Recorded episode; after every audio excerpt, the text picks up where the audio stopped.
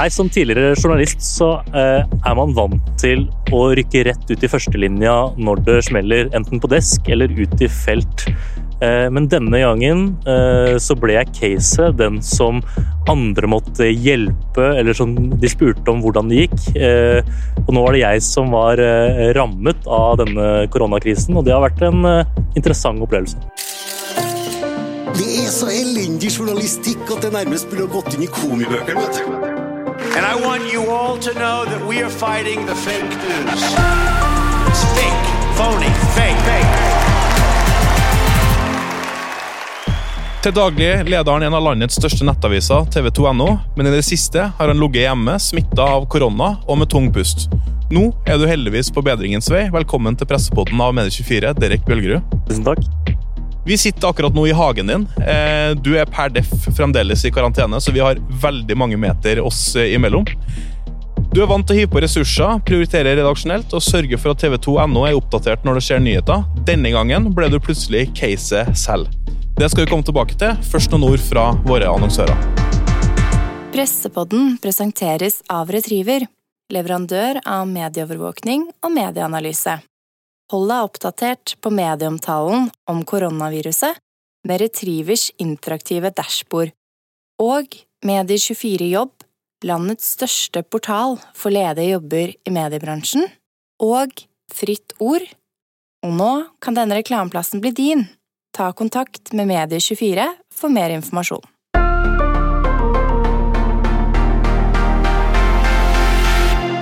Derek, først og fremst, hvordan går det med deg? Du, det går egentlig veldig, veldig fint. Jeg gleder meg stort til å slippe ut, som jeg kaller det. Å kunne gå fritt eh, rundt, i hvert fall med litt avstand til alle andre. Men eh, det går veldig fint. Jeg er eh, symptomfri og, og er klar til å oppleve livet utenfor de kvadratmeterne jeg har vært i nå de siste, den siste måneden. Nå, Ta oss litt tilbake til midten av mars. Hva var det som skjedde for noe? Du, jeg kom hjem fra en skiferie i Østerrike med min far. Ehm, og da, eh, da jeg kom hjem, så var det to dager før den reisekarantenen som myndighetene satte inn. Ehm, men jeg, jeg så jo også at Tirol, som var et nabodistrikt, eh, allerede var under disse eh, reglene som kom fra myndighetene. og Derfor så bestemte jeg og, og TV 2 da, også oss for at jeg skal bli hjemme for sikkerhets skyld uansett. Eh, det er ingen grunn til å ta noen sjanse på det. Eh, så eh, kom jo reisekarantenen. Eh, jeg, opp, jeg følte meg helt fin. Eh, men på søndagen etter at jeg kom hjem, altså 15. mars, så eh, begynte jeg å få feber. Eh, samtidig så kunne det være alt og ingenting, følte jeg. Det, det er, du sitter og føler på alt hele tiden når det kommer en sånn eh, en sånn sak som dette viruset. da, så Du sitter på en måte ok, Føler jeg meg sjuk eller føler jeg meg frisk? Hva er dette? Litt sånn alle nordmenn nå liksom kjenner på forkjølelsessymptomer og den Ja, type ting. Ja. Alle hoster litt ekstra og, og får med seg hver gang de hoster. da. Eh, Så jeg tenkte ikke så mye mer over det. Eh, Det var først på onsdagen at det virkelig begynte å ta seg opp. Da, da begynte feberen å nærme seg 40, eh, og pusten ble eh, betraktelig mye dårligere. Eh, Så da var det slutt på det å jobbe hjemmefra. Da var det egentlig bare å eh, ligge i et eh, mørkt rom og så grue seg til hver gang man skulle opp på toalettet eller noe sånt, fordi, eller opp og drikke vann, fordi det var, en, det var blytungt. da. Hva, hva er det du kjenner på? Altså, er det, Kommer tungpusten med en gang? Er, det, er, det liksom, er feberen i fullt i gang? Altså, fortell oss litt hva er det som skjer inni kroppen din. Det, det, er en, eh, det er en sånn veldig følelse av at eh, det ikke er noe å gå på i lungene. Så det litt sånn der, Jeg har prøvd å beskrive det med to sånne tømte heliumsballonger som er på en måte, det er bitte litt igjen i bånn av de ballongene, men det er ikke noe, eh, det er ikke noe å gå på der. Eh, og Samtidig så er det den feberen som gjør at du, du har ikke noe ork eller lyst til å gjøre noe. Eh, så det er en veldig sånn det, det minner jo litt om andre, altså influensa eller sånne ting, men samtidig så eh, kjenner man jo veldig på den derre eh, følelsen av at du kan egentlig ikke trekke inn pusten. Og det er spesielt. Men Hadde du på det tidspunktet en tanke om at shit, jeg kan ha korona, eller tenkte du liksom dette er forkjølelse? Nei, jeg, altså jeg blei mer og mer trygg på at uh, dette er uh, korona eller influensa. Uh, og samtidig så følte jeg ikke det hadde noe å si, fordi det var så tydelig at alle rådene man fikk, var at er du sjuk, så holder du deg hjemme. Jeg hadde ingen planer om å gå ut med den pusten og feberen jeg hadde. og hva ville altså Hvis man ikke har medisiner for det, så hva hjelper det egentlig å få påvist at det faktisk er korona? I hvert fall i den fasen. da. Kanskje når man slipper ut, så vil det være viktig å vite om man har hatt det, men for meg så var det sånn OK, nå er det nå koker det, liksom, men hva skal jeg gjøre med det? Og jeg hadde ingen planer da egentlig om å, å kontakte noen for å be om å bli testet, eller noe sånt, fordi jeg så ikke hva det kunne gjøre av forskjell. da.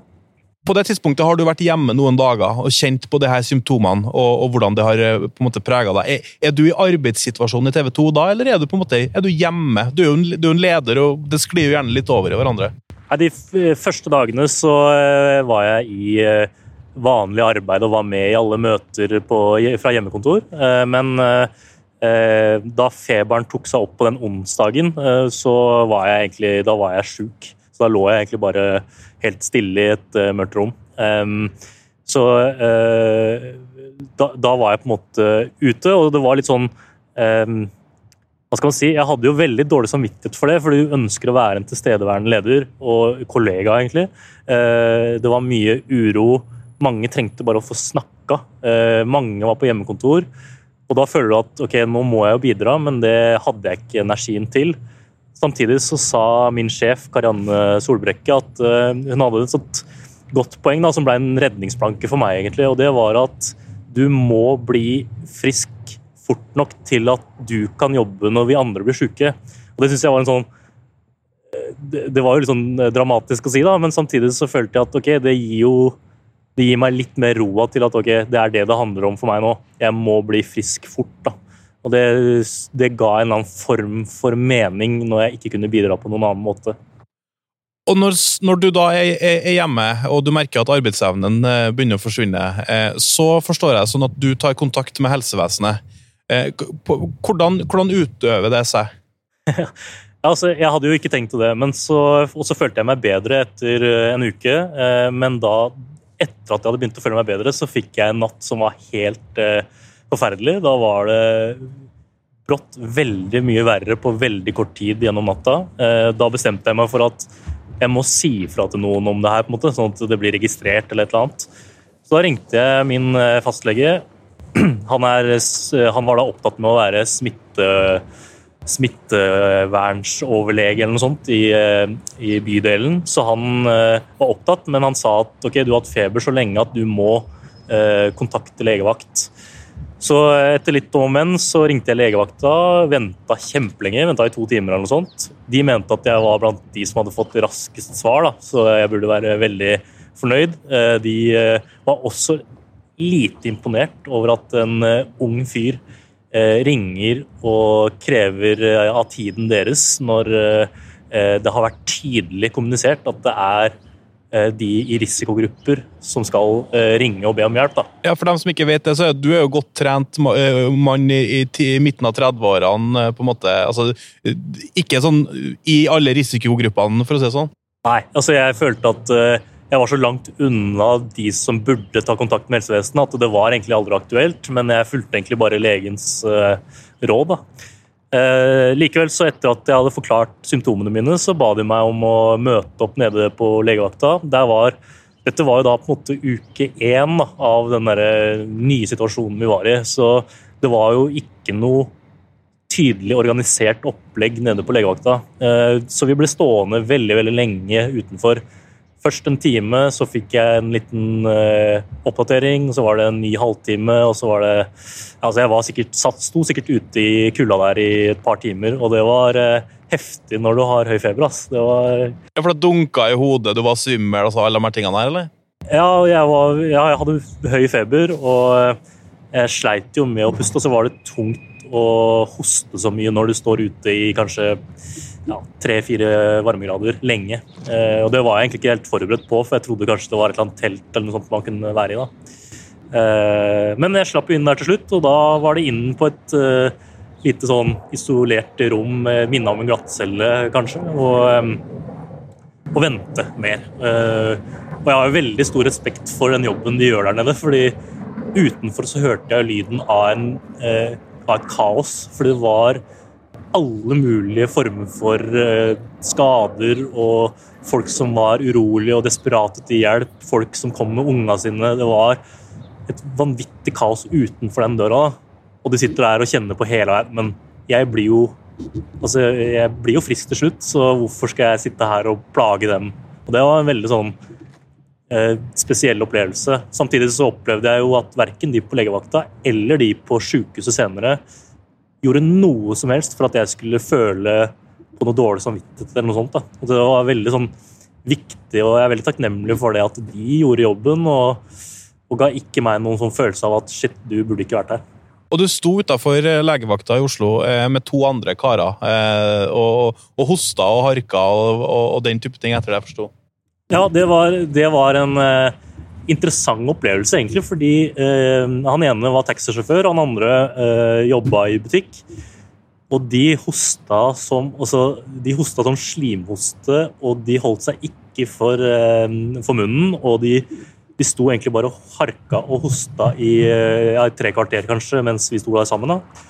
Og eh, eh, da eh, sykepleieren kom ut for å spørre om hvorfor de var der, så var de der egentlig bare fordi de hadde lyst til å ta en test. De hadde hørt at eh, ja, nei, du må bare møte opp på legevakta, og så får du en test.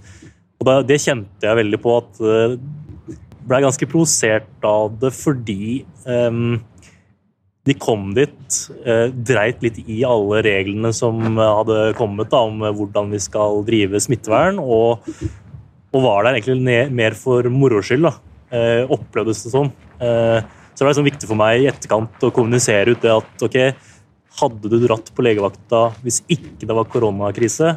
Det var det hun spurte om, hun eh, sykepleieren. De var helt sånn åpne på at nei, nei, herregud, trenger ikke det, og samme for oss, liksom. Eh, da bør du kanskje holde deg unna også, for det er kritisk. på en måte. Det er eh, lite kapasitet. Og da forlater de, de guttene legevakta, og så blir jo du en del av det som skal skje. Du blir sendt til sykehuset. Ta oss med inn der. Hva er det som skjer da? Du, aller først så blir jeg egentlig, eh, får jeg beskjed om at eh, altså, jeg, det blir ikke noe test på meg, og jeg kan egentlig vende nesa hjem. Uh, så ser de på noen målinger at jeg ikke har at jeg har veldig lite oksygen i blodet. Uh, og da bestemmer de seg for at ok, du må på sykehus for å bare få sjekka det. Da. Så da reiser jeg egentlig opp, kjører sjøl opp til Lovisenberg. Blir sendt inn i akutten der. Eh, det er nok litt tilfeldig at jeg blir sendt på et akuttrom, men eh, det føltes som at det eskalerte veldig fort. da, Fra at jeg på en måte sto utafor legevakta og lurte på om jeg burde være der i det hele tatt, til at jeg lå med en sånn eh, venoflon i armen og med prøver overalt. Altså, jeg fikk så mange prøver at det var helt sånn Lurte på om jeg var en sånn nålepute eller en prøvekanin. på en måte. Og, men jeg følte samtidig at det var veldig profesjonelt. da, så følte, Man følte seg veldig trygg, fordi de jobba som en sånn derre Det var helt utrolig å se på, egentlig, fordi de jobba som en sånn veldig veldreid eh, maskin, egentlig. Ehm, men da ble det jo mer venting på disse prøvene, og da fikk jeg også da eh, koronatesten.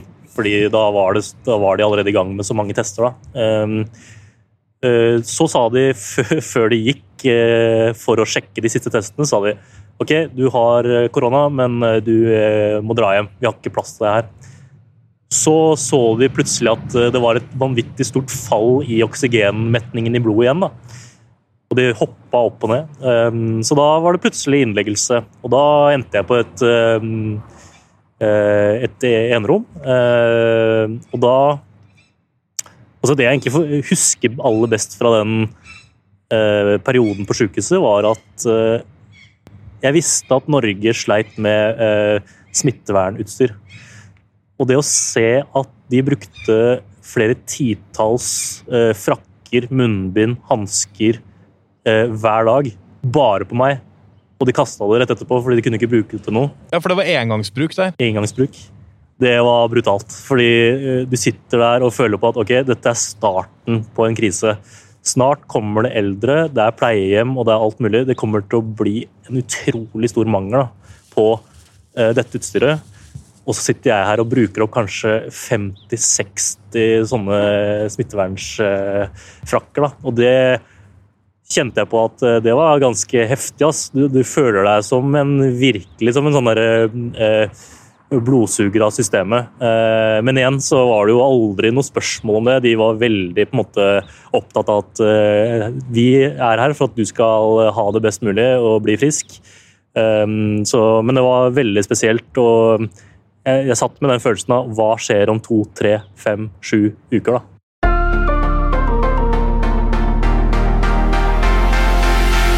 Pressepodden presenteres av Retriever leverandør av medieovervåkning og medieanalyse. Hold deg oppdatert på medieomtalen om koronaviruset med Retrivers interaktive dashbord. Og Medier24 Jobb, landets største portal for ledige jobber i mediebransjen.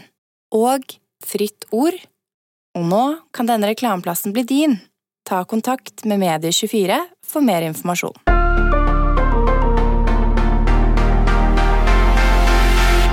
Når du da ligger på sykehuset her eh, og, og, er på intensivavdelinga, etter det jeg forstår, eh, hvordan har du det inni deg da? Altså, har, har, eh, eskalerer feberen? Altså, blir det enda verre, eller hvordan, hvordan funker det?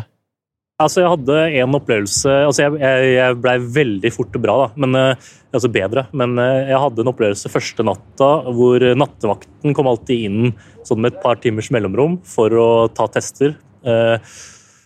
Og jeg husker ikke ikke at eh, de testene ble tatt på morgenkvisten, men jeg husker at da jeg våkna, så sto det eh, fire stykker eh, over meg og gjorde masse greier. og Da var det intravenøst i armen, og det var oksygenslange i nesa, og det var veldig mye kaos, da, egentlig i en kort periode. Og da mm, kjente jeg at det opplevdes som litt sånn dramatisk, bare fordi at du våkner av at det er så mye trøkk rundt deg. på en måte.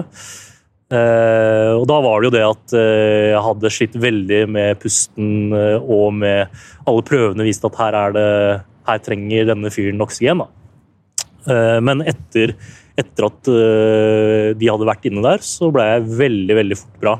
så i løpet av et par timer så gikk feberen veldig fort ned, og pusten ble bedre. og så det var ganske fascinerende det der at den eh, Det var, da, det var starten da, på at det gikk bedre. Og jeg slapp jo ut av sykehuset, eller ble skrevet ut bare ja, halvannet døgn etter den episoden. Og når var det her, eh, hvis du husker noen datoer?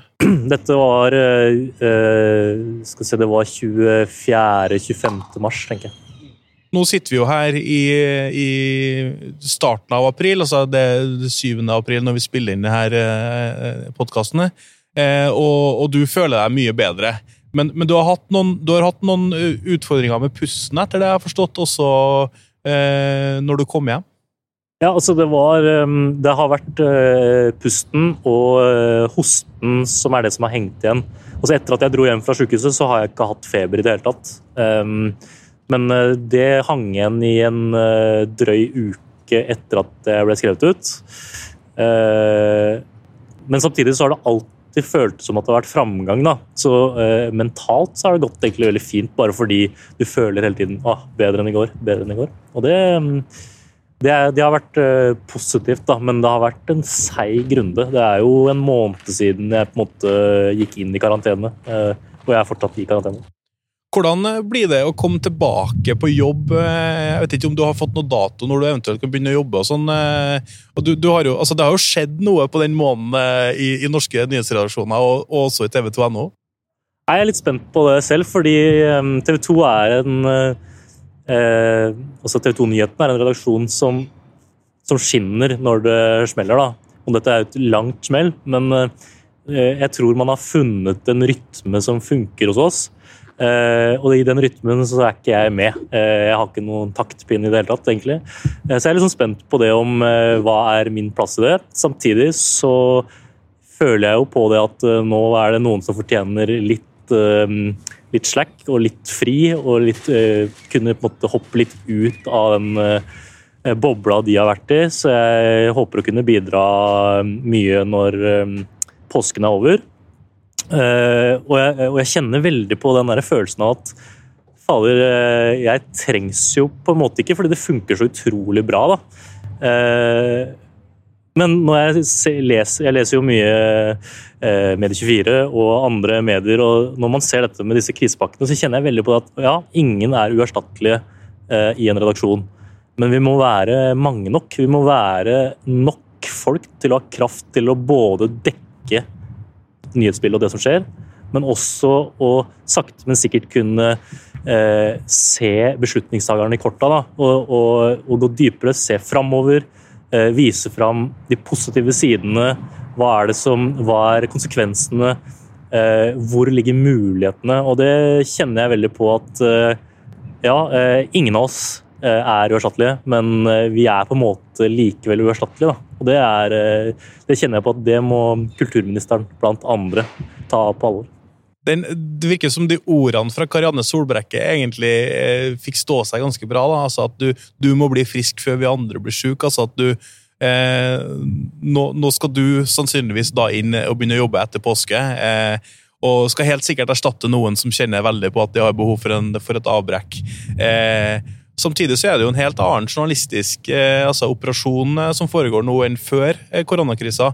Eh, hva tenker du om liksom, den kvaliteten på den journalistikken og den journalistikken vi skal utøve nå, når vi også er pressa over lengre tid?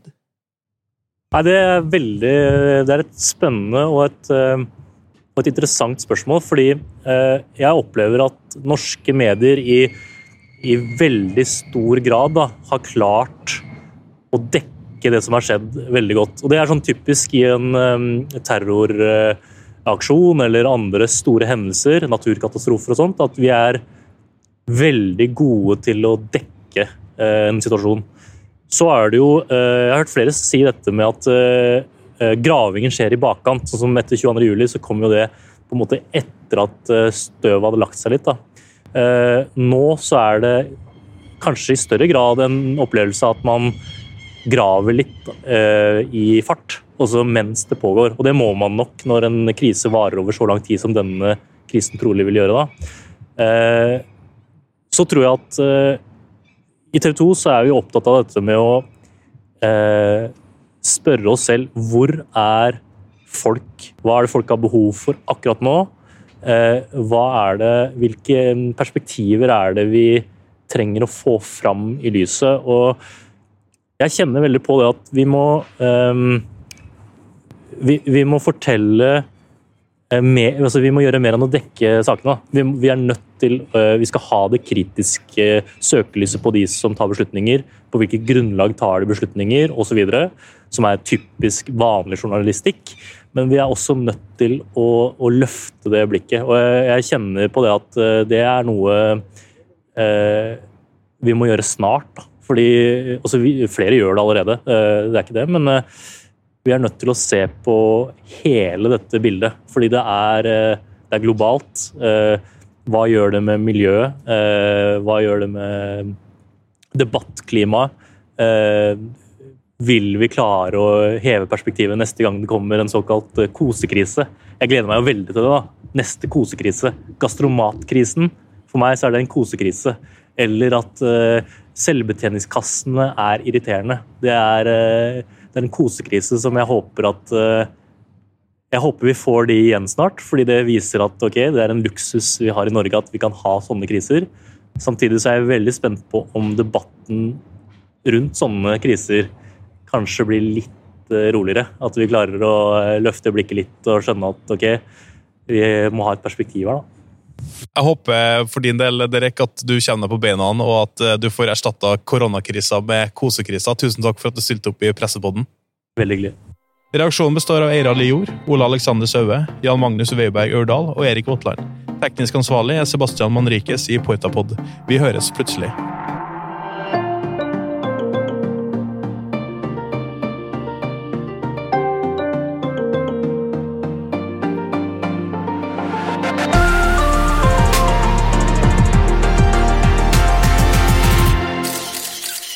Pressepodden presenteres av Retriever, leverandør av medieovervåkning og medieanalyse. Hold deg oppdatert på medieomtalen om koronaviruset med Retrivers interaktive dashbord. Og Medier24 Jobb, landets største portal for ledige jobber i mediebransjen. Og Fritt Ord. Og nå kan denne reklameplassen bli din. Ta kontakt med Medier24 for mer informasjon.